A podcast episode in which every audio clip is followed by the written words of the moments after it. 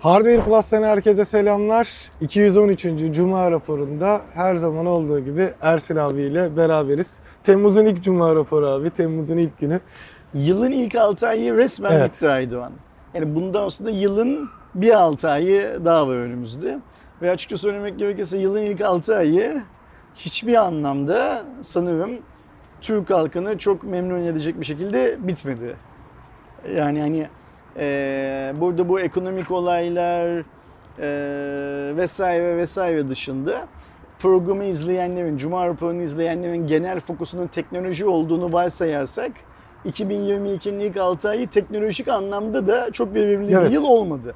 E, tıpkı geride bıraktığımız bu pandemi dönemindeki yıllar gibi vasat bir şey geçiriyoruz, e, dönem geçiriyoruz. Evet. Yani 2022'de bizim kayıp yıllarımızdan bir tanesi.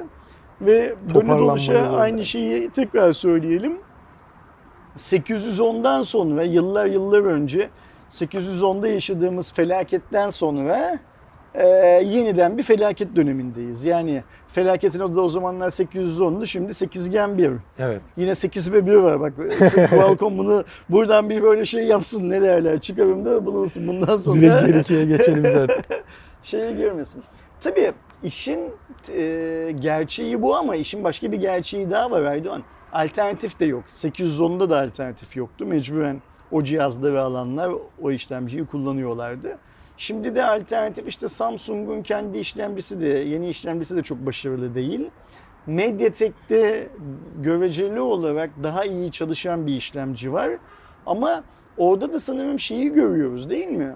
Hmm, şirketler Mediatek'in amiral gemisi işlemcisiyle çok fazla ürün çıkartamıyorlar. Sanırım bu şeyden kaynaklanıyor. Yılbaşında Qualcomm'a geçtikleri siparişlerden kaynaklanıyor Olabilir. galiba. Yani hani eee, şimdi Qualcomm büyükbaş olduğu için onları iyi tutmaları lazım. Ve şey diyemiyorlar. Mesela atıyorum ben 8 Gen 1'de sıkıntı var. iPhone, iPhone ben Samsung'daki 8 Gen 1'den memnun değilim. Bundan sonraki üretimi Mediatek'e çeviriyorum falan diyemiyorlar. Çünkü biliyorlar ki S23'te, S24'te, A54'te, A55'te falan Qualcomm'a tekrar işlevi düşecek. Sadece Samsung değil Xiaomi bilmem ne falan falan hepsi böyle. Ve o yüzden bize yansıması tatsız oluyor. E, Türkiye zaten tatsızlıklar diyarına dönmüş durumda.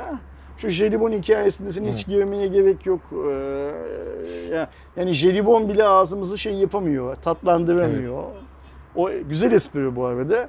Acaba neyin üstünü örtmek için yapılıyor o espriler? Evet, Tabii ne ki konuşulsun o, diye. o aynen öyle. Yani ne konuşulmasın diye daha. Jelibon konuşulurken ne konuşulmasın isteniyor filan. O tabii ki herkesin kendi takdiri. Şimdi sen yine çok güzel haberler seçmişsin. Nothing Phone ilk haberin. Nothing Phone'a girmeden önce benim gelmediğim, sizin gittiğiniz şu dün akşamki Omix lansmanıyla başlayalım. Nasıldı lansman? Lansman güzeldi. Hatta hani telefonları da beklediğimden hoş buldum. Yani e, ilk başta e, Muzaffer Bey şeyden bahsetti. Hani kullanıcıları dinleyerek bir şeyler eklemeye çalıştık bu ürünlere diye. Gelen telefon bazında X300'ün daha iyi versiyonu X, X400, X500'ün daha iyi versiyonu X600 ve tepeye konumlandırdıkları X700 modelleri var. Ve X400'de bile metal çerçeve vesaire olması. Hani gerçekten böyle ufak tefek şeyler. Hani geri dönüt alıp e, uygulamaya çalışmışlar. X700'de kablosuz şarj var. Hani ben en azından yerel sayılabilecek daha küçük çaplı e, firmalardan ilk defa bir kablosuz şarj özelliği duymuş X700'lü oldum. amiral gemisi diyebiliyor muyuz sence? G95 var hani yine kendilerinin de amiral gemisi ama e, direkt Kendi böyle çapında aynen. amiral gemisi. Hani orta seviyenin biraz üstüne oynuyor. AMOLED ekran koymuşlar vesaire. E, ultra güç tasarrufu eklenmiş X600'de X700 ama tasarımlarına baktığında ele alış hissi falan güzeldi yani. Gülüyorum Şık ama görünüyor. tabii ki şöyle bir hikaye var. Bizim Türkiye'de bu hangi yerli markamız üretiyor olursa olsun GM9 Pro'yu geçecek bir tane cihaza ihtiyacımız var. Niye biliyor musun ihtiyacımız var? GM9 Pro çok geride kaldı. Evet. Yani eee, Fatih Sultan Mehmet'in İstanbul'u almasıyla bir süre övünü- övünüyorsun. Bu önemli bir olaydır. Çağ kapatmıştır, çağ açmıştır. İşte Anadolu'yu resmen de e, Türk e, memleketi haline getirmiştir. Ivır zıvır filan filan hepsi böyle şey yapılır, tartışılır, konuşulur. Hepsi de doğrudur da artık 2022 yılında 1453'te çok da fazla övünmezsin. Çünkü eğer sen 1453'ten 2022'ye kadar hiçbir şey yapmadıysan ki Allah şükür biz yaptık, Cumhuriyeti kurduk. Övünülecek olan şey Cumhuriyeti kurmaktır. Yani daha yenisiyle övünüyorsun. Şimdi Cumhuriyeti de 1920'lerde kurduktan sonra 2022'de de Cumhuriyet'in kuruluşuyla övünüyorsun ama arada da başka şeylerle övünmen lazım. Nedir onlar mesela? Ee, laikliği pekiştirdik, adaleti güçlendirdik, gelir ayrılıklarını, farklılıklarını stabilize ettik, halkın refah seviyesini yükselttik Kadın ve erkek bilmem neyle kadın erkek eşitliğini sağladık falan. Bunlarla övünmen lazım. Türkiye'den şu kadar startup geçir, çıkardıkla falan övünmen lazım. Övüneceğin şeyin jelibon melibon olmaması lazım. Ya da işte Türk halkını doyuracağım buğdayı Amerika kıtasında arsa kiralayarak e, sağlıyoruzla falan değil. Bunlar övünülecek mevzular değil. Şöyle GM9 Pro'ya dönecek olursak GM9 Pro artık çok geçmişte kaldı. Biz hala GM9 Pro ile övünürsek e, bu kötü bir şey olur. Evet. Bizim övüneceğimiz yeni cihazlar ihtiyacı. Bu cihazı kim çıkartabilir? Yine General Mobile çıkartır, Reader çıkartır, Casper çıkartır. Ee, bilmiyorum Casper Türkiye'de gerçekten üretime başladı mı hiçbir komutam yok. Bir de Omix çıkartıyor. Başka yerli markamız var mı? Benim bildiğim Yok. kadarıyla yok. Şimdi o yüzden Omix'in üst seviyeye göz kırpan ya da olandan daha yukarıda konumlanan bir cihaz üretiyor olması bence Türkiye'deki cep telefonu üretim e, mantığı açısından çok önemli bir şey. Bunu hani işlemcisi de şöyle bilmem ne böyle diye tabii ki eleştireceğiz ama e, çıtayı biraz yükselttiği için de o mix'i tebrik etmemiz lazım. O yüzden söylüyorum. Cihazları bize gönderirlerse ben gönderecekler diye biliyorum. Hangisini, üçünü de gönderecekler diye biliyorum bu sefer emin değilim. Ee, biz tabii ki inceleriz. Çünkü Hardware Plus, Hardware Plus'a gelen cep telefonlarının tamamını para istemeden, karşılığında bir para almadan inceliyor zaten.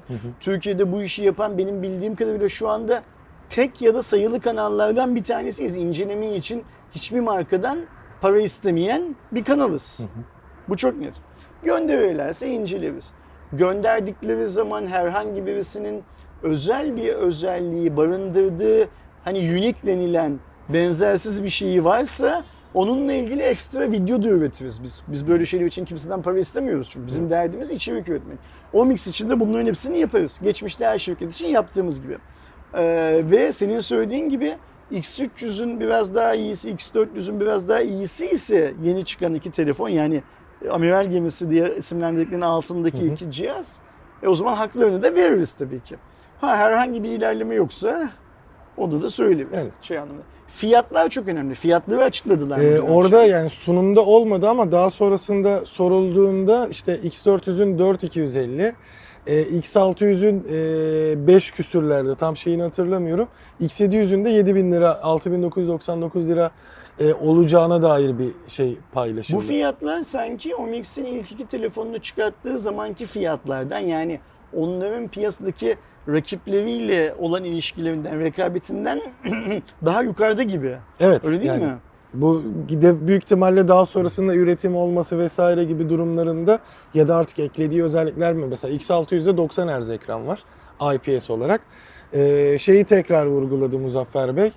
Ee, işte kutu içeriğinde yine kablosuz kulaklığı, e, önlü Şeyi sorma şansınız oldu mu? Bir, bir önceki seferde kutu içeriğinden niye çıkarttınız bunları sonrasında filan diye sorma şansınız Hayır, oldu Ben mu? sonrasında çıktığını bilmiyordum hani çıkartıldığını bilmiyordum. Ya çocuklar bu satın alan bir iki kişi şey dedi ya canlı yayında senle mi yapıyorduk canlı Yok, ben yayını? yoktum sanırım Benim orada. kutudan çıkmadı bilmem ne Ya filan. X300'de çıkmıyordu onu biliyorum. X, e, Peki şimdi H3 modelde de yani yeni H3 Galiba model- X600 ve X700'de, X400'de değil de Hmm. hani yine üst se- seviyeye Okey konumlandırılan. tamam. Bir diğer yandan e, tabii ki onların işte Mixo dedikleri e, akıllı ev Ekosistem. sistemlerinde e, şey dikkatimi çekti. İki tane robot tanıtıldı. Bizim o ilk robottan Plus ve Pro versiyonları. İşte 7000 lira olacağını duydum Muzaffer Bey ile konuşurken. Plus modeli için diyorsunuz değil mi dedim. Yok dedi Pro modeli için dedi. İşte 2700 PA gücü var. İşte 5000 2700 iyi. miliamper e, civarı 5375 miydi ne şeyi var. Pili e, var. pili var. Ve işte lidar sensörü falan yani üst seviye bir durumda gibi. Mesela orada bir fiyat performansı gördüm. ilk versiyonunu Türkiye'de nerede sattı bilmiyoruz. Ben hiçbir yerde satılırken de görmedim cihazı. Ben de direkt Ee, gördüm. Ama Yani telefonları galiba en azından biliyoruz. Telefonları şeyde sattı, Turkcell'de ve ağırlıklı olarak Türk Telekom'da sattı. Umarız ki bu hani ekosistem ürünlerini de daha konvansiyonel bir şekilde Olması satmaya gerek. başlar. Ama ekosistem ürünleri sadece e, şey için değil, o mix için değil, genel anlamda ekosistem ürünleri bizim yaptığımız işin profesyonel tarafıyla değil, bizim yaptığımız işin hobi tarafıyla. Mesela işte elektrik süpürgeleri benim çok hoşuma gidiyor. Hep diyorum ya yani benim e, eve elektrik süpürgesi aldıktan sonra psikologla görüşmeyi bıraktım diyen arkadaşlarım var. Onu izleyerek sakinleşen Şey terapi o- o- e, olduğunu düşünen arkadaşlarım var. O yüzden ben bunu her elektrik süpürgesi videosunda da zaten farkında elektrik süpürgesi o yüzden ben çekmek istiyorum videolarını. Seviyorum o cihazları. Bir de o cihazlar bana çocukluğumda izlediğim işte Star Wars bilmem ne filan gibi şeylerin eee, gerçekleştiği illüzyonunu yaratıyor. Mutlu da oluyorum yani kişisel tatmine de ulaşıyorum şey yani. İşin ayrı tarafı. Biz yine telefonlardan devam edelim. Eee, Ha, bir de son olarak şeyi söyleyeyim abi. O güzel bir detaydı. Yani diğer cihazların hepsinde o kadar rahat bir durum var mı bilmiyorum ama iOS ve Android'deki tam entegrasyon tamamlanmış Mixo ürünleri için. hmm. Siri ve Android asistanla da komut verebilecek misin? Süper. Yani Siri'ye de söyleyip Bu, bu çalıştırabiliyorsun. önemli bir Evet. detay. Şöyle önemli bir detay. Biz çünkü yerli rakiplerinin hiçbirisinde bu entegrasyonun tamamen tamamlandığını Aynen, yani görmüyoruz. Kulaklığı kullanıyorsun ama mesela birçok fonksiyonu Yabancı çalışmıyor. en, e, rakiplerinin de büyük bir kısmında %100 bir entegrasyondan Evet. söz etmemiz ya Genellikle bütün Alexa falan ürünlerinde %100 bir entegrasyondan söz etmemiz mümkün değil. Ellerine sağlık. Güzel bir iş yapmışlar o zaman şey anlamında, e, ürün anlamında. Bir de kulaklık var galiba değil Evet. mi?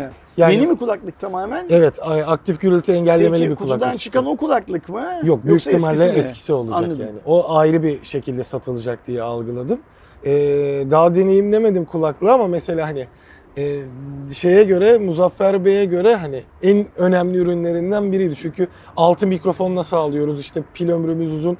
Siz de denediğinizde şaşıracaksınız gibi bir şey söyledi.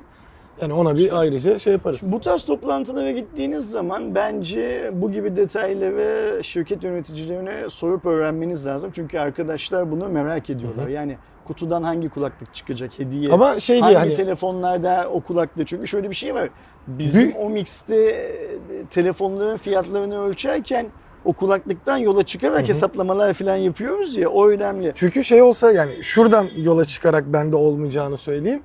Ee, o kadar bahsederken kutudan da kulaklığı bununla değiştiriyoruz diye tahminimce Muzaffer Bey bahsederdi. Çünkü sadece şey dedi.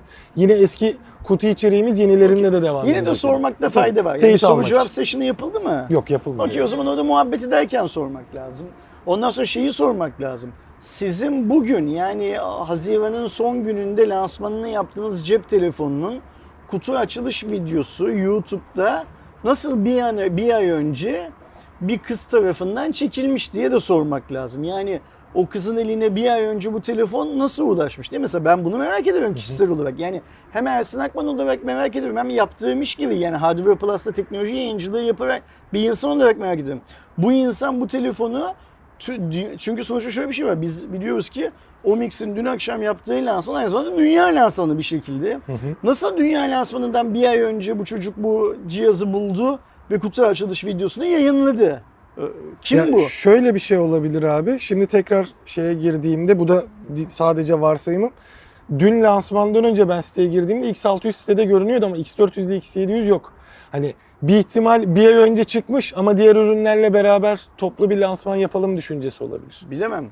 İşte sormak lazımdı. Mesela ona da 6000 lira fiyat Şöyle. çekmişler zaten. Ondan sonra X600. mesela şeyi sormak lazımdı Muzaffer Bey'e.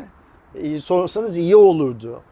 Ya siz iki tane cep telefonu çıkarttınız, ülkeye giriş yaptınız. Biz size sağ olun X400'ü gönderdiniz, inceledik.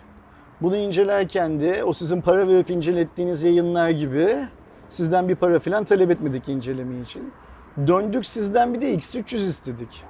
Niye istedik? Bu kanalın izleyicileri talep ettiler bizden. Yorumlarla, e-maillerle, canlı yayınlarla filan. Bize bir tane X300 gönderin de onu da inceleyelim dedik. Göndermediniz. Hayrola niye göndermediniz diye de sormak lazımdı Muzaffer Bey'e.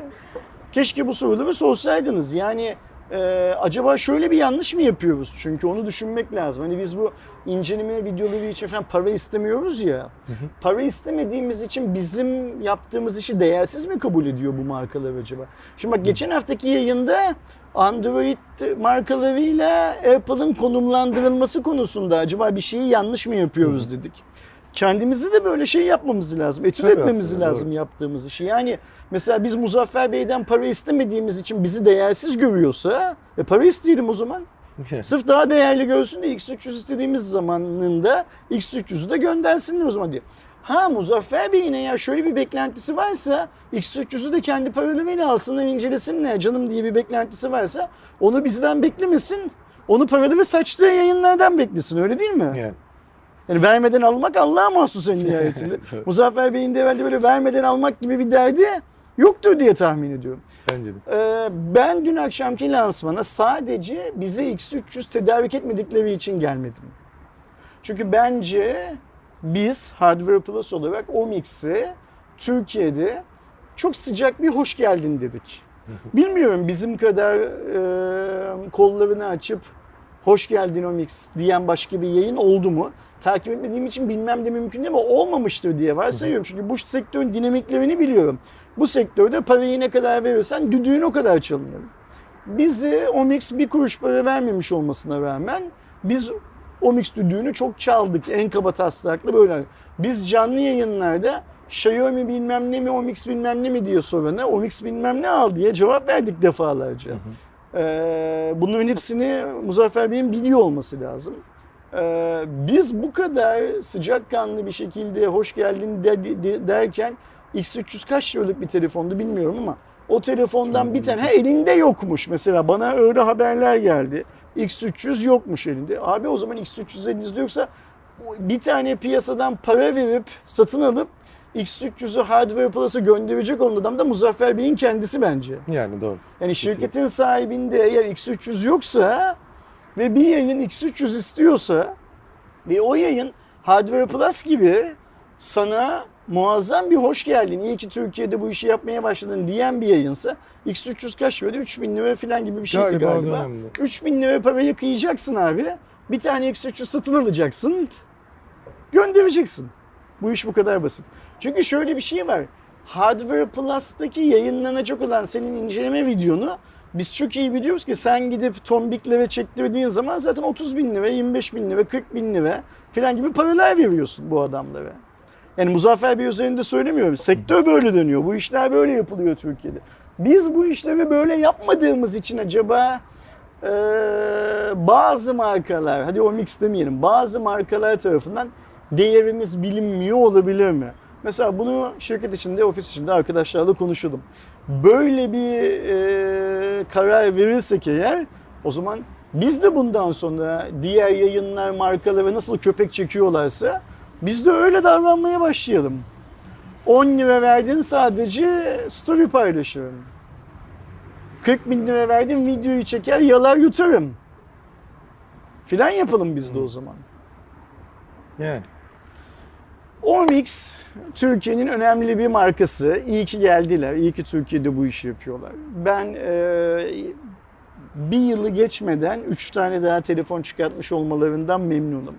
Muzaffer Bey ile birebir yaptığımız konuşmada hatırlarsan X300 ile X400'ün yenilenmiş versiyonlarını çıkartacağız demişti. Sanırım ondan vazgeçip iki yeni model yani yenilemeyi öyle yaptılar. Şu- Bence bu da çok güzel bir karar çünkü şöyle bir şey var. Biz yıl sonunda baktığımız zaman şu anda Türkiye'de en az ilk yıl, ilk 12 ayında Omix'in 5 tane cep telefonu piyasaya çıkarttığını göreceğiz. Bu çok iyi bir rakam. Evet. Bundan sonra da bir iki tane daha çıkarsa 7 ile 8'de falan kapatacak demektir yılı. İşte kulaklıktı, robottu bilmem neydi falan dersen 10 ürün. 12'ye bölünce de her ay neredeyse bir ürün bence süper. Evet, Çünkü kesinlikle. bu performansı sağlayamayan global markalar Evet. var. O yüzden çok çok önemli. Sağ olsunlar, iyi bir iş yapıyorlar. Ee, ürünler, yeni ürünler bize geldiği zaman da boylarının ölçüsü neyse ürünlerin yani iyi puan almaları gerekiyorsa iyi puan, kötü yorum almaları gerekiyorsa Tabii kötü yorumu buradan yapıştırır, göndeririz zaten. Şimdi o mix benzeri dünya çapında büyük bir iş var. Omix Türkiye için ne kadar önemliyse bu işin de dünya için o kadar önemli olduğunu söylüyorlar. Nothing Phone. Evet. Ben bu işin Omix'in Türkiye için önemli olduğu kadar olduğunca dünya için önemli olduğunu düşünmüyorum bu arada. Yeni marka hep iyidir ama abartıldığı kadar da muazzam bir iş çıkacağını düşünmüyorum orada buradan. zaten e, şey durumu var kesinlikle. Zaten işte hani Nothing Phone'un olayı da e, CarPlay'in yani OnePlus kurucularından birinin yapması ve şu an baktığımda kendimi gerçekten OnePlus 1 çıkıyormuş gibi hissediyorum. davetiyeler bilmem aynı neler, şeyler işte ön satış olacak, şöyle olacak falan filan. Hani aynı taktikle bir kere daha telefonda deniyor aslında CarPlay. Ha ne yapmış? Bu sefer işte o dönemki mottosu amiral gemi katiliydi. Şimdi biraz da tam can canlı diyeceğimiz telefon durum var ki bizim e, Eren zaten onun detaylarını güzel bir şekilde aktardı. İşte işlemcisi belli 778G Plus versiyonunu ilk defa kullanan model olacak. 8 GB RAM var, 4500 mAh bataryası.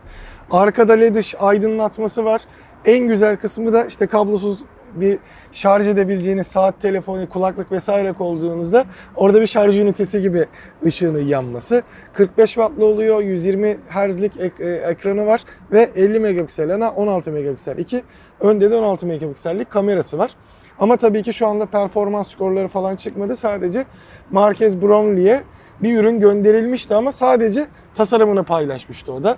Daha hani Zaten giden ürünün değildi. çalışıp çalışmadığı yani çalışıp çalışmadan kastım mühendislik örneği mi e, yoksa final ürün mü olduğunu şeyde Brownie'de açıklamadı Aynen. zaten şey olarak. Şimdi 12'sinde e, bir e, lansmanı yapılacak. Onu da 12 yine Temmuz. evet 12 Temmuz'da. Her ne kadar tam böyle bayram tatiline geliyor olsa da biz e, yine onun lansmanını ve değerlendirmesini Sen sizlerle paylaşacağız. İstanbul'da mısın?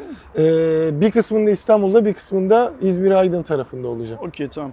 12'sine evet yapalım onun canlı yayınını. Biz zaten hani Eren'le de paslaştık. Yapabilirse Eren şey diyorsun sana planlayacak. ihtiyacımız yok biz yapıyoruz zaten. Hayır biz hep plan, estağfurullah da planını Be- yaptık. be- beni hep böyle oyun dışı bırakıyorsunuz zaten. Yani hiç şey Katılmak istersen tabii ki Evet. söyleyeyim. Hep sokakta oyun oynamaya çıkıyorsunuz. Beni hiç çağırmıyorsunuz. Söyleyeyim size bak. Ben hep evde oturmak zorunda kalıyorum. Olmuyor böyle.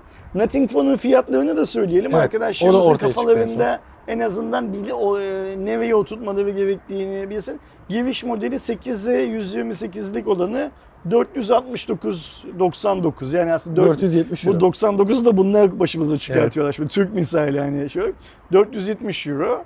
8'e 256'lı 500 500, euro. euro. 12'ye 256'lı da 550 euro. Ucuz değiller. Yani hani OnePlus'la bir yerden Evet. ayıracaksak mesela buradan ayırmaya başlayabiliriz. Çünkü OnePlus ilk çıktığı zaman o zamanın amiral gemileriyle kıyaslarsak çok ucuzdu. Onlar 700 bandındayken 300 bandına Aynen falan çıktı yanlış Ve donanım olarak da onlarda ne varsa OnePlus'ta o olurdu. Şey anlamında ucuz değiller. Neye göre ucuzlar ona bakalım bu eurolardan yola çıkarak. Orta segmentin üst tarafında kalan cihazlara göre ucuzlar. Evet. Zaten o normalde hani konumlandırılması işte aklıma gelenler eee Oppo'nun Reno serisi, Aynen öyle. Samsung'un A53, A73 hatta 73 bandına Daha daha, çok 73. yakın. A53 değil daha çok 73. Ee, hani o banda göre baktığımızda Re- onlar Re- 500 üzeri. Xiaomi'de Redmi'nin Note 11 serisinin Pro'ları, Pro'ları, üstleri pahalı olanları filan filan gibi. Yani buradan yola çıkarak şunu söyleyebiliriz. Orta sevi yani orta üst seviye katili falan oluyor bu amiral gemi değil de. OnePlus e, dünya için önemli bir adımken e, Nothing Phone çok da önemli bir adım değil. Evet. Bir heyecan Dünya böyle, ufak bir heyecan. ekonomilerinin tamamı daralırken yani sadece Türkler fakirleşmiyor. Dünyadaki yaşayan herkes fakirleşiyor. Biz daha çok fakirleşiyoruz. Ne, ne yazık ki biz daha çok fakir. Ya da Alman daha az fakirleşiyor Ha, evet. ya da öyle de isimlendir. Hani kulağımıza daha hoş gelsin diye. Alman daha az fakirleşiyor diyebiliriz. Almanın derdi çok hem daha az fakirleşiyor hem bir yandan da bizi kıskanıyor. Yani o kıskanmaktan Ha, evet. şey yapmıyor, vazgeçmiyor biliyorsun. Bu esas yüklenilen segmentte parsayı toplamak için yapılmış bir proje. Şimdi ürün çıktıktan sonra şeye bakmak lazım. Bu zatı muhtemelen bunu yani Carl kendi parasıyla mı yapmış? Yoksa eee holdingin parasıyla mı yapmış? Çünkü hatırlıyorsun OnePlus da ilk çıktığı zaman biz onun arkasında büyük bir cep telefonu üreticisi, muazzam bir holding olduğunu filan bilmiyorduk ilk başlarda. Bunlar konuşulmuyordu. OnePlus ne zaman palazlandı, büyüdü, işte hatırlıyorum ilk Amerika ofislerini, ilk Londra ofislerini açtılar Çin'den sonra. O zaman arkasından Oppo, Vivo ve Realme'nin olduğu holding çıktı filan filan. Burada da bakalım takip edelim. Bu kimin işiymiş, kim ne yapıyormuş filan ama merakla beklemekte de fayda var. Kesinlikle. Hani tabii ki hemen Türkiye'ye gelecek bir ürün olmaz. Bu zaten bariz belli. Dünya globalde nerelere çıkacağı da şu anda şey değil. Çünkü OnePlus'ın da işte biraz önce Ersin abinin söylediği gibi aşama aşama e, globalde Şu çıkmıştı. OnePlus'ın yolundan giderlerse bilmeyen arkadaşlarımız için anlatalım. OnePlus'ın ilk modelleri davetiye usulüyle yani ilk önce insanlar pre-order'la kayıt oldular. Evet. Ben bunu alacağım diye beyan ettiler. Sonra beyan edenlerin arasından bazılarını alma hakkı tanındı. Hepsine değil. Üretimle doğru orantılı olarak bazılarını alma hakkı tanındı. Sıraya göre gitti. Alanlara davet imkanı verildi. Yani her alan galiba iki ya da üç arkadaşını almaya davet edebiliyordu. Ee, pre-order ve kayıt olup almayanlar için de öyle ya kayıt olan herkes almadı Aynen, ya da davet eden herkes var. almadı. Almayanlar için de daha fazla insana yine kayıt gitti. İlk yıllarda böyle satıldıktan sonra artık ondan sonra bir yerden sonra biz Amerika ofisimizi açıyoruz, Londra ofisimizi açıyoruz ve bundan sonra global bir marka olacağız. Ön kayıda falan gerek yok. Dünyanın her yerinde şu tarih itibariyle, dünyanın her yerine şu tarih itibariyle web sitesinden satış yapar hale geleceğiz. Ve bir yıl içerisinde de dünyanın başlı başlı noktalarında yani başlı e-ticaret sitelerinde işte Amazon, eBay bilmem ne filan gibi yerlerinde satılır hale geleceğiz dediler. Ve nitekim bunu yaptılar. Evet. Geldiğimiz noktadaysa Oppo'nun satıldığı neredeyse tüm ülkelerde e, OnePlus ürünleri de satılıyor. Doğru. Bunu da göreceğiz nasıl olacağını. Yine Türkiye kanadına döndüğümüzde bu sefer e, TCL'in daha aslında çok da vakit geçmedi. 20 serisi Türkiye'de bir lansmanı yapılmıştı. Şimdi de 30 ve 30 Plus modelleri de yani 20'nin Türkiye'de tanıtıldığı dönemde global lansmanı yapılan 30'ların ki Mobil Dünya Kongresi'nde ortaya çıkmıştı zaten. Türkiye'ye geldiler. E, TCL 30 Plus 6999 lira fiyatla gelirken TCL 30'da 6499 liralık fiyatla Bunlar şu an Satışa çıkıyor. satılıyor Türkiye'de. Ama bunların inceleme ürünlerini TCL anladığım kadarıyla tedarik edemiyor. Ağustos'ta ancak tedarik edecekmiş. Yani satışı çıktıktan bir ay sonra ancak tedarik edecekmiş. Bir ay sonra eğer esamesi okunursa hala bu telefonların bir ay sonra incelemesini yaparız. Yani. Şu anda bizim lansman sonrası yaptırdığımız değerlendirmelerden başka bir değerlendirme yapabilme şansımız sanırım Yani. pek yok değil mi? Yani sadece hani fiyat olarak baktığımızda yine böyle birazcık yüksek o mikser görünüyor. rakip gibi görünüyorlar öyle değil mi? o, o mix daha iyi mesela şey olarak baktığımızda. Tabii ki hani test etmek yapmak lazım. TCL'in kamera performansı iyi oluyor ama TCL'de de şimdiye kadar her yerin lansmanında global içinde geçerli, Türkiye içinde geçerli. Bir olması gerekenin biraz böyle üzerinde olup sonra olması gerekenin altına düşüyor. Ama bu fiyatla daha doğrusu bu kurda artık çok altına düşme şansı. Eskiden düşebildiği kadar düşme şansı var mı onu da emin değilim. Yani hani şimdi insanlara bekleyin fiyat düşer diyebiliyorduk eskiden TCL'de özellikle çok rahat. Evet. Ama şimdi bekleyin fiyat düşer dedikten bir hafta sonra fiyat yükselirse yalancı oluruz. O yüzden böyle bir şey söyleyebilecek kadar cesur değilim. Evet. Ama umarım olur tabii ki. İnşallah, olursa. inşallah. Aa ne güzel diye de söylemiş oluruz. Geçen hafta aslında konuştuk Xiaomi'nin e, yeni telefonlarını. Onların da dördünde lansmanı olacak. 12S serisi. Önümüzdeki hafta ileki- pazartesi günü Evet. hemen. Onun da tabii ki lansmanını buradan e, canlı şekilde yaparız. Aklınızda olsun arkadaşlar. E, ufak tefek daha detayları ortaya çıktı. İşte zaten layık ortaklığı biliniyordu. Bir inçlik Sony'nin e, yeni sensörünü kullanacağı IMX 989 kullanılacağı ortaya çıktı. Bu önemli detaylardan biri ama Ultra modelinde bir sensör olacak. Bir diğer yandan ilk başta işte Xiaomi 12 Ultra söylentileri de vardı. Şu anda eee, çok büyük ihtimalle diyebileceğimiz seviyede 12S serisindeki Ultra Xiaomi 12 Ultra'yı da yemiş oldu artık. Xiaomi 12 Ultra olmayacak. Bence yıl sonunda da o çıkartır Xiaomi onu. Ha bir diğer yandan işte kendisi artık iki büyük seri ortaya çıkarmış olacak. Ya da belki bu sene Leica ile ortaklık olsun diye mi bu modeller çıkacak? Seneye artık 13 serisine mi entegre edilecek? Ya da böyle hep ayrı mı gidecek? Bunlar çok bilinmiyor ama e, direkt e, CEO'sundan ortaya çıkan şeye göre de DxO Mark çok pahalı. E, biz o yüzden DxO Mark'a bu modelleri koymayacağız diye de açıkladığı söyleniyor. Keyfi bilir. Yani ben herhangi bir cep telefonu markasının herhangi bir yöneticisine böyle bir açıklama yapmayı yakıştıramıyorum her şeyden önce. Ee, çünkü bu, bu tarz açıklamalar sanki Dioxo markın parayı verene yüksek puan verdiği algısını oluşturuyor piyasada. Ama Dioxo markın nasıl çalışıyor? Ben burada kalkıp Dioxo markın avukatlığını yapacak değilim Ya ama tabii. Dioxo markın nasıl çalıştığını da en iyi bu adamlar biliyorlar. Yani Dioxo mark bir mühendislik şirketi ve sana aslında o aldığı para karşısında puandan öte danışmanlık veriyor şey anlamında. Ve şu bir gerçek, Dioxo markın e, puanladığı tüm cihazlar için Dioxo marka bir ödeme yapılıyor. Yani burada hiçbir marka kalkıp biz yapmadık, yapmamıştık filana bağlamasın şey olarak bir ödeme. Çünkü adamlar bir mühendislik şirketi. Adamların eee, keşke nasıl çalıştıklarını Muzaffer Bey bir gün anlatsa. Tam onu diyecektim. GM9 Diğer türlü Pro'da GM9 Pro'yu Çalıştılar çünkü anlatsa da herkes öğrense. Her neyse bu ayrı bir mevzu. Ee, ne demiştik yine Cuma raporunda? Bu Leica, Huawei, Leica, Xiaomi'ye geçişinde atı alan Üsküdar'ı çoktan geçmiş belli ki. E, Atı da Xiaomi almış zaten demiştik. Kaşla göz arasında çat diye lansmanı duyurdular. Biz ne diyorduk?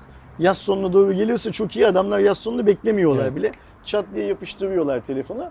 Bu arada telefonla çekilen fotoğraflarda sızmaya evet, başladı. Ultra için paylaşıldı. Hı hı. Yani e, ortaya çıkan fotoğraflarda Huawei'den iyi gibi görünüyor açıkçası. Mesela Huawei'nin Huawei'den iyi gibi görünüyor. En büyük merak şu an dünyadaki tabii Türkiye'deki yayıncılar böyle şeyleri merak etmezler. Türkiye'deki yayıncılar şeyi merak ederler. O biz Xiaomi'ye buradan nasıl bir kafa kol çekeriz? Huawei'de daha iyi çalışıyordu diye bir video çekersem Leica Xiaomi bana para öder mi? Hani geçmişte Xiaomi çok pil tüketiyor falan diye video çektim parayı indirdim ondan sonra o videoyu silmek için yayından kaldırmak için yenini telafi etmek için falan. Şimdi de Huawei'ye böyle bir yaltaklanıp bir video çekersem hem Huawei'den şey yapar mıyım?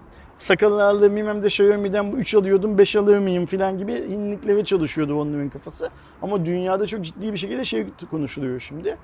Farkındaysan açıklanan fotoğrafların hiçbirisinde eee, yazılımın arayüzü görünmüyor. Evet. Manuel ayarlar Huawei'nin manuel ayarları kadar zengin olacak mı? Bunu konuşuyoruz. Çünkü biz Çünkü şunu hep sağ altta ki, şey diyor şu kadar milimetre şöyle öyle. Fokus ayarı bilmem ne. Çünkü biz biliyoruz ki Huawei'nin manuel ayarları çok gelişmişti. Evet. Çok çok gelişmişti. Yani Hala daha o belki en yüzden de bizim yani. Cem abi gibi profesyonel fotoğrafçılık yapan adamlar Huawei'nin e, Leica ile çalıştığı cihazları ellerine aldıkları zaman 3-5 dakikada sanki bir Canon'la, sanki bir Nikon'la fotoğraf makinesiyle fotoğraf çekiyormuş gibi ayarlar yapıp hmm, hmm diyebiliyorlardı. Nedir o hmm? Güzel, Evet. güzel diyebiliyor. istediğini yapabilme şeyi. Şimdi diyebilecekler mesela dünyada şu anda bu şey yapıyor ve konuşul büyük bir merak, daha doğrusu büyük bir merak değil, büyük bir öngörü Huawei'den daha gelişmiş manuel ayarlarla Xiaomi'nin eee tüketicinin karşısına çıkacağı. Bunu da neye dayandırıyor? Bu senin de söylediğin işte sağ alt köşede görünen bazı teknik detaylardan bilmem ne filan yola çıkıyorlar. Bakalım göreceğiz. Ya zaten hani en büyük dezavantajı hani ilk işte e, söylenti çıktığında hani Huawei ile değil artık Leica Xiaomi ile çalışacak söylentisi çıktığında ben ne diyordum hani e, kamera yazılımını ne yapacaklar? Çünkü hani ufak tefek şeyler görünüyor ki bundan öncesindeki dediğim de hani 1-2 sene öncesine kadar e, biz de yapıyorduk hani e, Google'ın uygulamasıyla çok daha iyi hale nasıl getirilir falan diye. E, keşke şey yapsalar. Mesela burada birazcık Sony kafasıyla çalışsalar çok hoşuma gider. Yani Sony artık son birkaç senedir Mark serisine geçtiğinden beri arayüzünü Sony'nin DSLR'ları arayüzüne Ama şimdi çevirdi. orada Sony'nin elinde bir kaynak var. DSLR'ı da yapıyor Burada da zaten. La- Leica hani arayüz ku- kullanımını Leica gibi yapsalar. Leica dijital fotoğrafçılık konusunda çok başarılı bir marka değil biliyorsun. Yani bunu daha önce anlattık. Bir daha söyleyeyim. Leica Panasonic ile birlikte dijital fotoğrafçılığa girdi. Lumix diye bir seri Evet. üretti. Çok başarılıydı gerçekten. Yani 2000'li yılların ilk yarısında dijital fotoğrafçılık Sony ile hayatımıza girdikten sonra Lumix cihazlar o sektörün o e, e, kulların en iyi örnekleriydi. O zamanlar Kodak, HP, Canon hepsi vardı o kompakt makinelerde. E, Lumix hepsinden biraz daha pahalı. Sony de vardı. E, hepsinden daha pahalı ve hepsinden daha iyiydi. Sonra Panasonic bu ortaklığı bitirdi. Bitirmesinin nedeni Panasonic'in e, kompakt dijital fotoğraf makinelerinin yani kompakt dijital fotoğrafçılığın cep telefonlarının fotoğraf kamera özellikleri geliştikçe kaybolacağı ortaya çıkmıştı. Panasonic orada çok fazla zaman kaybetmek istemedi. Bu sefer e, Leica kendi markasıyla Leica olarak üretti. Ama tam Leica üretti, piyasaya sundu ve e, so- Panasonic'in bu öngördüğü Durum gerçekleşti. durum ortaya çıktı. Nedir o durum? iPhone'lar çok iyi fotoğraf çekmeyi, Samsung'un Galaxy seviyesi fotoğrafçılıkla öne çıkmaya bilmem ne filan başladı. Leica da o işi yavaşlatmak, durdurmak zorunda kaldı. Şimdi o yüzden Leica'nın elinde üzerinde çok çalışılmış bir arayüz yok şu anda dijital tarafta. Doğru. Olmadığı için de Sony'nin yaptığı çok güzel, haklısın. Hak veriyorum sana. Ama Leica'da böyle bir know-how henüz yok. Hı. Belki Leica o know-how'ı Xiaomi ile geliştirdi. Olabilir evet. En azından adamlar biliyor hani o ayarların nasıl yapılması gerektiğini şeyin hani analog e, konusunda zaten tartışmasız markalardan biriydi. Dijitale de ayak uydurmakta şey olacak ama işte e, gerçekten hani Huawei'nin ne kadar geliştiğini kamerada gördüğümüz durumda Xiaomi ile gideceğinde de şey de çıkacak ortaya. Huawei'nin görüntü tarafıyla ilgilenen ekiple Xiaomi'nin ekibinin de farkı ortaya çıkacak. Çünkü şimdi Aynen her ikisinde de Leica desteği olacak. Ha, tabii ki şey var. Leica da bir know-how aldı Huawei ile çalışırken. Onu da Xiaomi Ya zaten şu hızdan anlıyoruz ki Leica o know-how'ın tamamını Xiaomi ile paylaşmış. Ya da belki de Huawei bir şekilde el altına know-how'ı Xiaomi'ye sattı, devretti. Onu da bilemeyiz. Yani bunlar Evet. 5 yıl sonra, 10 yıl sonra ortaya çıkan iş-. Şey de bunlar. korkutabilirdi mesela bu e, Xiaomi'nin DxO marka girmiyoruz demelerinden biri. Şimdi zaten orada Leica'lı ikinci sırada olan bir telefon var. Yani Honor'un kendi e, 40'ı tamam tepeye oturdu da P50 Pro'yu geçen yok. Şimdi 12S serisi de P50 Pro'yu geçemezse oradaki O puanlamada pahalı hikayesi falan şey işte. e, onu hedef- riske etmiyorlardı Hedef şaşırtma o. Çünkü senin söylediğin gibi girer ve geçemezse o zaman e, Xiaomi'nin Leica ile olan işbirliği Daha baştan baştan da e, sorunlu doğmuş olacak ve haklı olarak şirket böyle bir kötü gölge işin üstüne düşsün istemiyor aslında. Ya İşin biz şey görmüş tarafı bu. olacağız Ayaz Türkiye'ye gelirse yani biz kıyaslarız. zaten. Gelir gelir bunlar gelir Türkiye. Ya böyle Ultrası çok zor da ben şey yapmak için getirirler mi bilmiyorum. Hani Pro ile düz gelir de umarım gelir. Xiaomi bunu dünyanın her yerine götürüyor sen merak etme. Çünkü dünyanın her yerindeki İlk başta şey Huawei kullanıcılarını çalması lazım Xiaomi'nin. Yani Huawei'nin üst Kamera segment kullanıcılarını çalması lazım. Bu işin amacı bu zaten. Huawei Gerçi bunun evet. ekmeğini yedi ben de yiyeyim bunun ekmeğini. Yoksa bu hani Amerika'yı baştan keşfetmenin bir şeyi yok yoksa. Ha şey olursa bir farklılık olur. Özellikle Ultra için şey de deniyordu. Ultra sadece Çin'e özel olabilir. Hani zaten normalde de kendi ultraları dışarı çıkmıyordu diye ama dediğin mantıktan dolayı kesinlikle yapmaları lazım deyip Hiçbir reklam var. Geç bir sonraki haberi. birkaç haftadır yani çok konuşamadığımız insanların da bazen arada şeyde yorumlarda görüyordum hiç TOG haberi yok mu diye. TOG'la ilintili bir haberimiz var aslında. TOG tarafından eee böyle ufak tefek açıklamalar dışında büyük bir gelişme yok. Çok hızla ilk arabayı üretecek forma kavuştuğunun sinyallerini Evet. veriyor. Öyle söyleyeyim. İşte boya Verilen tarihlerin tutacağına dair hatta. Yani TOG'un verdiği sinyaller sanki 2022 yılında fabrikasyon üretimin ilk sonucunu göreceğizi şey yapıyor. E, Işık yakıyor. ışık yakıyor. Ben hala 2022 yılı yani neydi 31 Aralık 2022 günü o üretim bandından fabrikasyon üretimin sonucunda araçların çıkabileceğine hala inanmıyorum. Bunu cebe koyalım. Ben hala bu takvim yılı içinde ticari olarak tok satışı yapılabileceğine inanmıyorum. Çünkü hala e, CEO'nun açıkladığı o bayilik, yeni satış formu, ıvır zıvır falan gibi konularda hiçbir belirgin yönleşme yok. Hala yedek parça, tamir, ıvır zıvır falan gibi servis konularında en ufak bir gelişme yok. O yüzden ben yetişmeyeceği konusunda hala ısrarcıyım. Kendi gördüğüm şeyler üstünden, doneler üstünden giderken. Ama TOG'un yaptığı açıklamalara da baktığımız zaman TOG da sanki tüm bunları yetiştirecekmiş gibi Evet. hareket ediyor. E, Yapılması gereken şeyleri peyderpey peyderpey yapıyorlar. Muazzam bir çalışma devam ediyor. Bakalım göreceğiz yani dedik ya yayının başında yılın ilk 6 ayını bitirdik. Geriye kaldı 6 ay. Evet ya mesela bu arada hala da şimdi tam baktığımda daha öncesinde muhabbetini yapmıştık. Ee, işe alımları da devam ediyor. Özellikle use case mobility dediği şey tarafında, dijital tarafta. Etsin. Orada şöyle bir şey var. 31 Aralık 2022 günümüz var önümüzde. Evet. 31 Aralık 2022 günü şuna bakacağız Aydoğan. Yani sabah yataktan kalkacağız hepimiz. Şu an piyasada fiziki olarak satılan TOG aracı var mı? Şu an Şu- mesela yine şeye baktım, site sitesine girdim dediğimde bir bölümde böyle birkaç fotoğrafla daha önce yayınlanan aracın detayları görünüyor ama yani siteye girdiğimizde bile bu use case mobility kısmı çıkıyor. Yani araç nasıl falan diye merak edip giren bakan çok rahat bulamaz. Satılan araç var mı? Aracın fiyatı belli mi? Öyle ya hala fiyat bilmiyoruz. Zaten TL'yi geçtik herhangi bir normda. Yani mesela atıyorum 15 kilo altın, 300 bin euro, e, 1755 çam ağacı, 2 ton fıstık. Herhangi bir birimde ağacı, şeyin ağacın diyorum arabanın, otomobilin fiyatı belli mi? Satılıyor mu? Kim satıyor? Öyle ya distribütörlük anlaşması yapması lazım. Kim tamir ediyor? Yedek parçayı kim üretiyor? Vesaire vesaire gibi şeyler 31 Aralık 2022 sabah yataktan kalktığımız zaman soracağımız sorular. Evet. Bu sorulara o pozitif cevaplar alıyorsak TOG kendi takvimini şey yapmış demektir, tutturmuş demektir. Yok bu sorulara pozitif cevap almıyorsak o zaman ben bir Türkiye Cumhuriyeti vatandaşı olarak vergi ödeyen, bugüne kadar benden bu ülkenin istediği her türlü şeyi yapan bir insan olarak şunu sorma hakkına kavuşacağım. Niçin kamunun bu kadar kaynağı bu projeye aktarıldı? Öyle ya bu proje kendi verdiği sözleri bile tutamadı. Niçin aktarıldı? Bu projeye verilen sözler tutulmuş olsa bile şunu hala bekliyorum. Senin de gittiğin lansmanda Gürcan Bey şey açıklaması yaptı ya.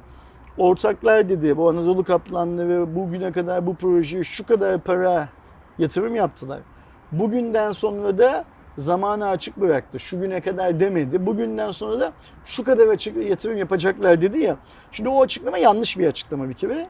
Yalan değil, yanlış bir açıklama. Bugüne kadar yaptıkları yatırımı açıklıyorsan bugünden sonra yapacakları yatırımı da hangi sürede yapacaklarını açıklaman lazım. Bir günde mi yapacak, yüz yılda mı yapacak o yatırımı? Evet. Bu açıklamayı böyle yaparsan şey yapar. Benim esas takıldığım şey şu. Kamunun bugüne kadar ne kadar yatırım yaptı? TOG'a ne kadar yatırım yaptığını Gürcan Bey'in söylemesi gerekiyordu. Onu söylüyor. Yani Ersin Aydoğan'ın doğuşun işte arkadaki komşumuzun, yanındaki komşumuzun cebinden TOG'a ne kadar yatırım yapıldığını söylemesi lazımdı. İkinci partide de mesela yıl sonuna kadar 10 yıl içerisinde, 100 yıl içerisinde şu kadar daha ortaklar TOG'a yatırım yapacaklar dediği zamanda da kamunun o süre zarfında TOG'a doğrudan ya da dolaylı olarak ne kadar yatırım yapacağını açıklaması lazımdı. Bunlar açıklanmadığı sürece biz vatandaş olarak hep şeyi sorma hakkına sahibiz. TOG süper proje, hepimiz birer TOG'umuz olsun hayaliyle yanıp tutuşuyoruz. Ayrı mevzu. Satışa çıksın da gidip alalım diye bekliyoruz ayrı mevzu filan da. TOG'un üretimi için benim vergilerimden ne kadar para ayrıldı? Bunu sormak zorundayız. Ayrılan parayla acaba turizme yatırım yapılsa, Eğitime. buğdaya yatırım yapılsa, eğitime yatırım yapılsa daha mı karlı olurduk? Bunların hepsi eee seviyeyi düşürmeden tartışmaya hakkımız olan konular. Yine, Yine geç kaldığımız için Sela'ya takıldık. Bir Sela arası verelim. Sonra Cuma'da devam ederiz kısmetse. Şimdi bu kadar TOG geyiğinden sonra habere gelelim. Artık e, konuştuğumuz şeylerin hepsi aslında bir şekilde teferruat. Evet. Haber ne? O ya, TOG'la ilintili Şimdi haber ne? zaten aslında en çok merak edilen şeylerden biri fiyat durumuydu. Çünkü hani ilk başta konuştuğumuzdan tahmini fiyat değerlendirmesi yaptığımızdan bu yana yani otomobillerin en başta fiyatları o kadar arttı ki şu anda Türkiye'de bulunabilecek hani Ami'yi falan saymazsak normal formdaki e, otomobillerin en ucuzu 700 bin lira oldu ki Renault Zoe'den bahsediyorum yani. E Yani böyle olunca TOG'la alakası yok. Aynen hani TOG seviyesindekiler milyonu aştı zaten. E böyle bir durumda TOG ne olacak derken 3600 ek gösterge ve öğrenci affını içeren torba tekliflerinin işte mecliste görüşüldüğü sırada e, AKP tarafından da TOG'la yapılacak e, elektrikli araç üretimi desteklemeye yönelik bir ÖTV düzenlemesi konuşuluyormuş. Zaten hani en çok beklenti de torba buydu. yasaların adı bu yüzden torba biliyorsun değil mi? Her şeyi içine attıkları için. Her şey olsun sonra oralarından bir iki tanesini yaparız hesabı. Normalde biliyorsunuz nasıldı? 85 kV'ye geçmeyenlerin %10, 85-120 kW arasındaki değerlerdekiler e, %25-120 kW üzeri e, elektrikli araçlarda %60'a giriyordu ve aslında hani performanslı araçların hepsi çok ciddi oranda böylelikle zamlanmış oldu.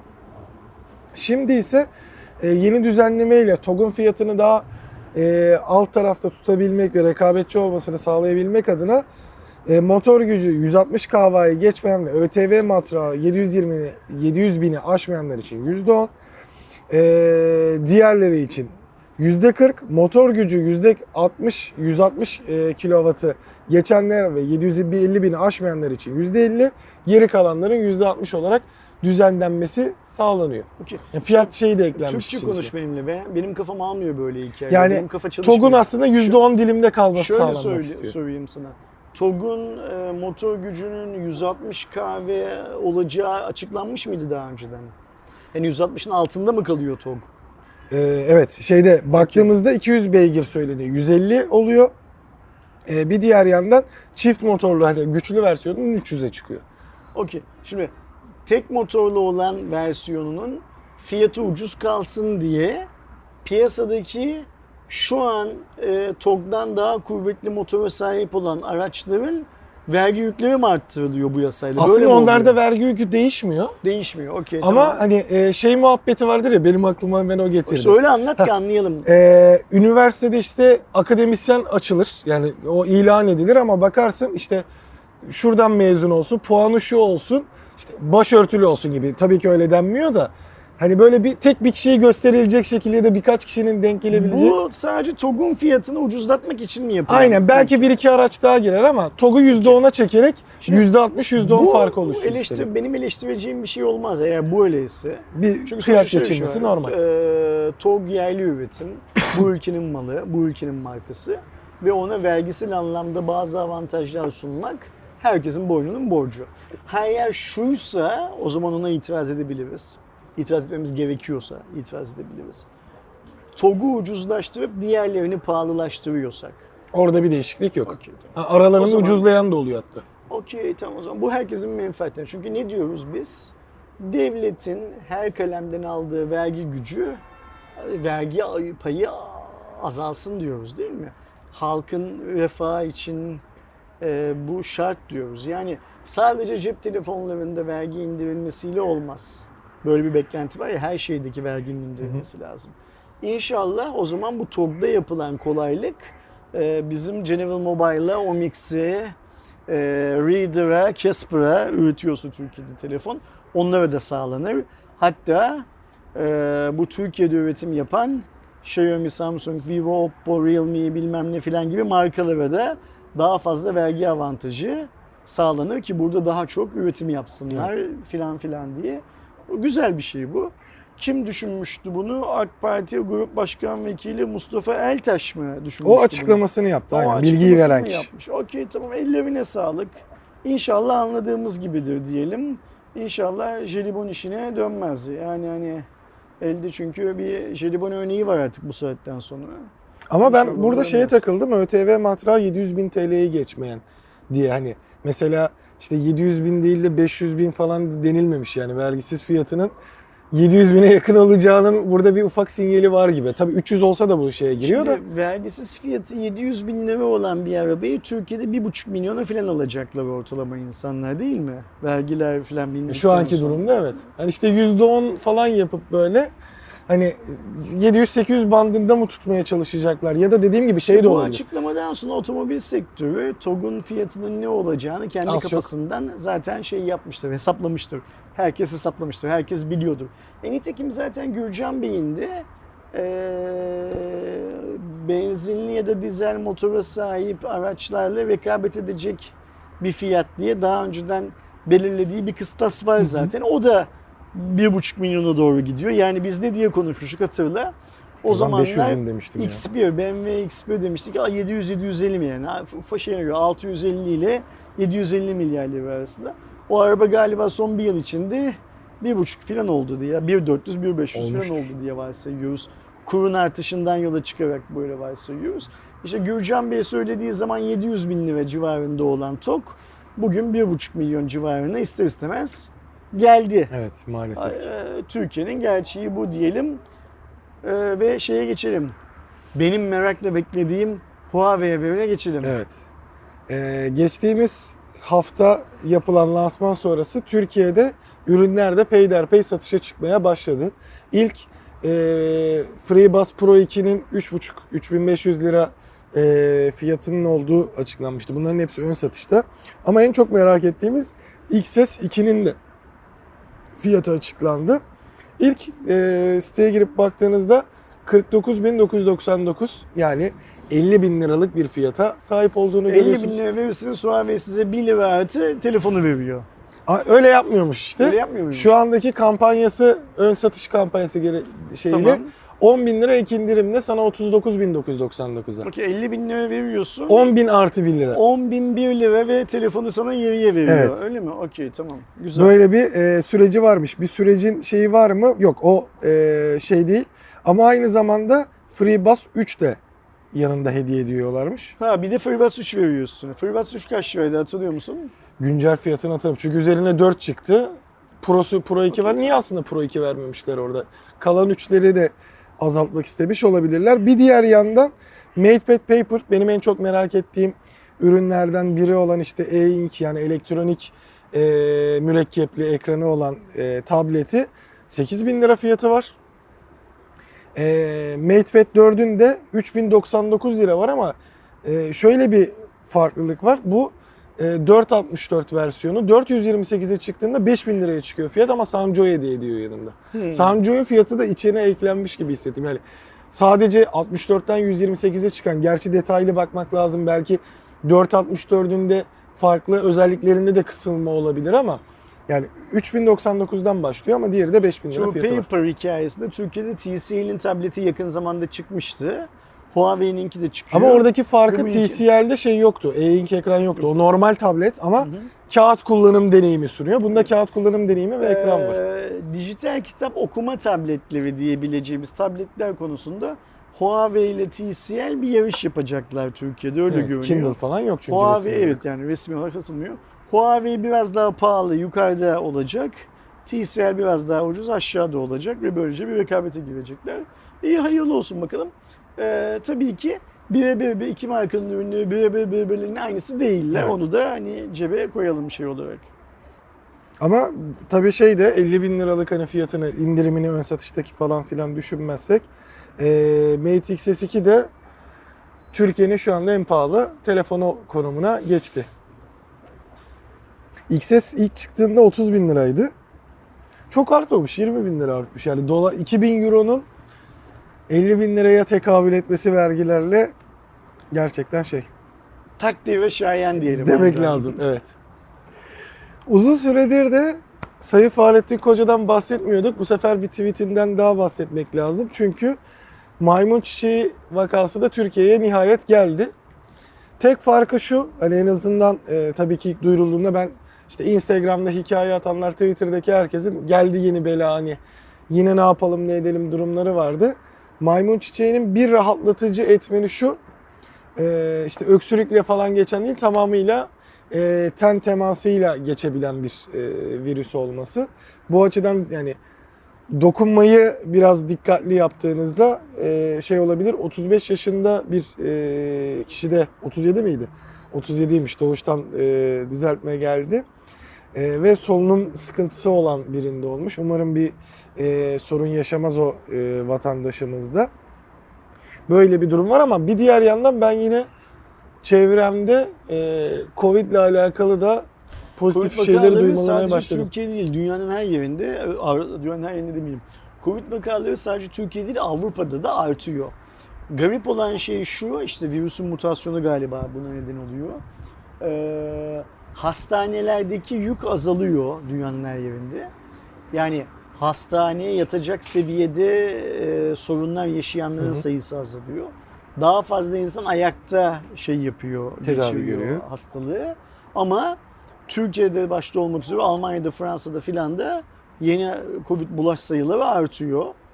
Bence e, şu maske filan hikayelerini havalar sıcak takmak zor biliyorum ama bir süre daha devam etmekte sanırım fayda var. E, çünkü Covid e, maymun çiçeğinden biraz daha hızlı bulaşıyor. Biraz Evet. daha kolay bulaşıyor gördüğümüz kadarıyla. Bir de Covid'in geçmişte daha çok sabıkası var. Dikkatli Ve olmakta tam şey var. aslında tam şu an dikkatli olunması gereken durum çünkü eee, işte haftaki cuma raporundan sonra bayram tatiline giriyoruz. Öpüşeceğiz, Eee, koklaşacağız. 9 gün yapıldı. Herkes tatil beldesine gidecek.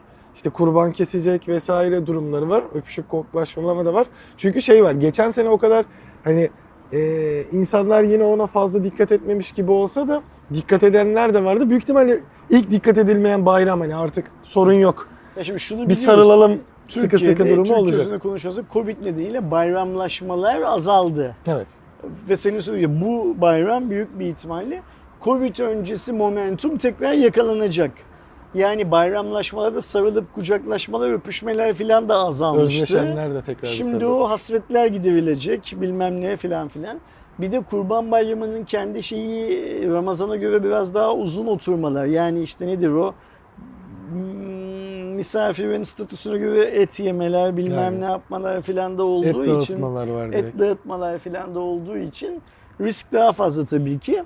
İnşallah ra- bayramdan sonraki hafta daha kötü rakamlar görmeyiz. Onu söylemek lazım. Evet. Kime? Ha evet aslında zaten o çevremde duyduğum dediğim şeyde dediği eee, sevgili Doğuş'un dediği eee Duk Stil olarak işte bilinen sevgili Doğukan var. Eee, benim de yakın arkadaşlarımdan grafiti kanalı olan arkadaşımız. En son onda duydum zaten şey olduğunu pozitif olduğunu. Ona da buradan Benim bizim de çok eski bir diyelim. arkadaşımız var. Onur Onur Gözüpek. O da e, aylar boyunca şeyden Ya de e, ne derler? Covid'den kendini koruduktan sonra bu geride bıraktığımız hafta o da e, Covid'e E, tekrar yakalandı. duymaya başladık. Şu anda evde, o 7 günlük sürede evde. E, durumu iyi, durumun iyi olduğunu biliyoruz.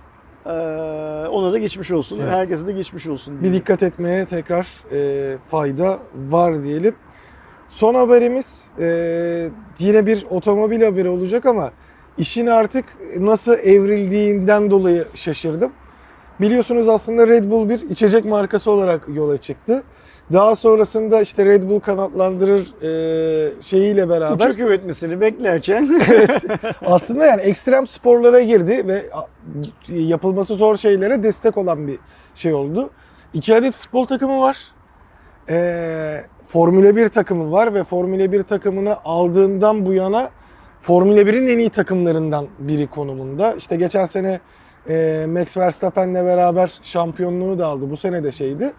Ve aslında bu sene önemli artılarından biri de Honda ile yaptığı e, motor anlaşmasında artık Red Bull Powertrain dediğimiz bir kendi motor üretim firması vardı. Tabii ki yine Honda mühendisleriyle çalışıyorlardı ama işi bir seviyeye daha e, ileriye çıkartıp Red Bull Advanced Technologies dedikleri kendi ünitelerinden bir adet e, hiper otomobil çıkardılar ve yine şeye gönderme yaparak e, Formula 1 araçlarına gönderme yaparak RB17 adını aldı.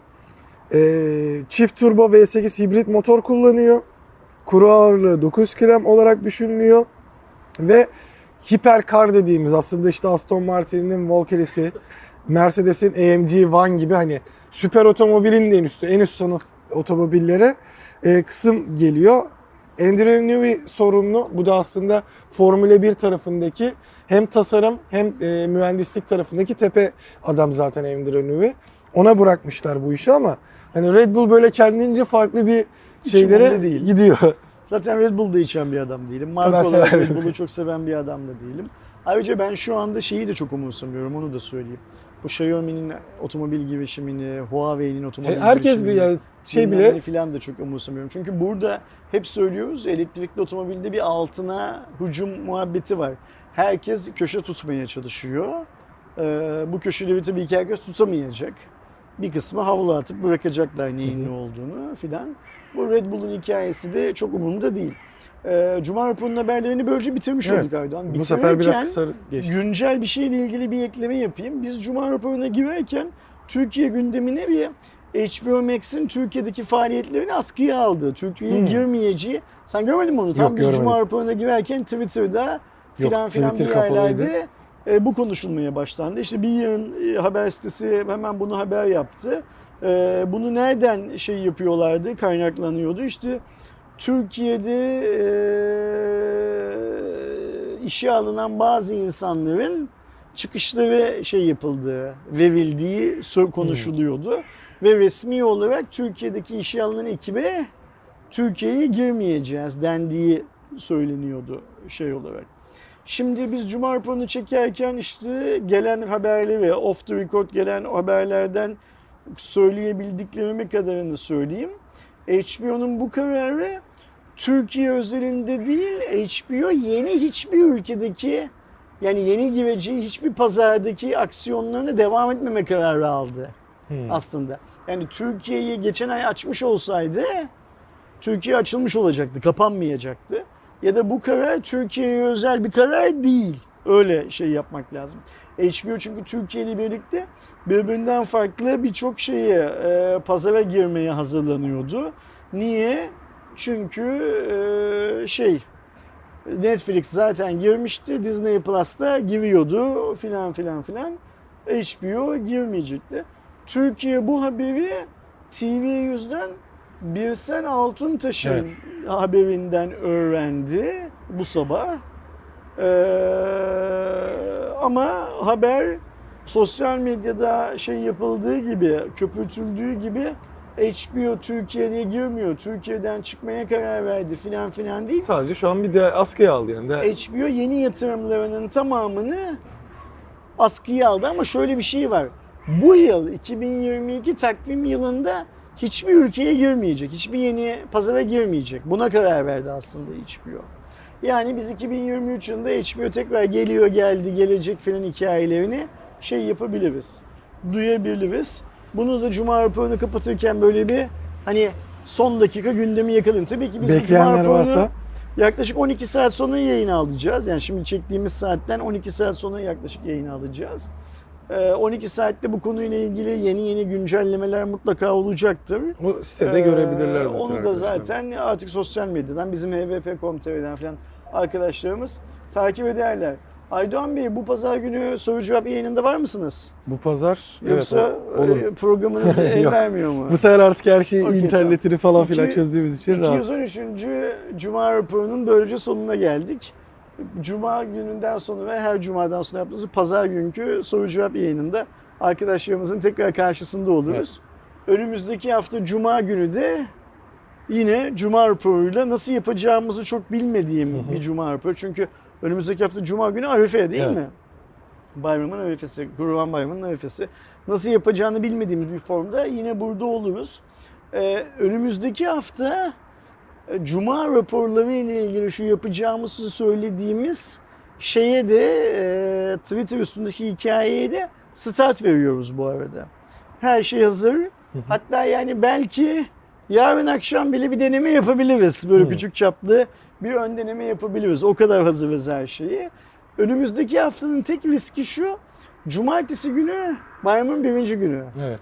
Ve Yani biz Cuma bunu- günü herkes tatile çıkacak. Herkes tatil ve biz bunu yaparsak eğer bayramın birinci gününe denk gelmiş olacak. Yani bence çok uygun bir zaman değil. Hı hı. Ama yapalım istediğimiz için başlıyoruz. Yani bunu şunu söylemek için, şunu anlamak için anlamak için söylüyorum. Arkadaşlar eğer hala HVP'nin sosyal medya hesaplarını takip etmiyorlarsa bu hafta takip etmek için çok güzel bir hafta.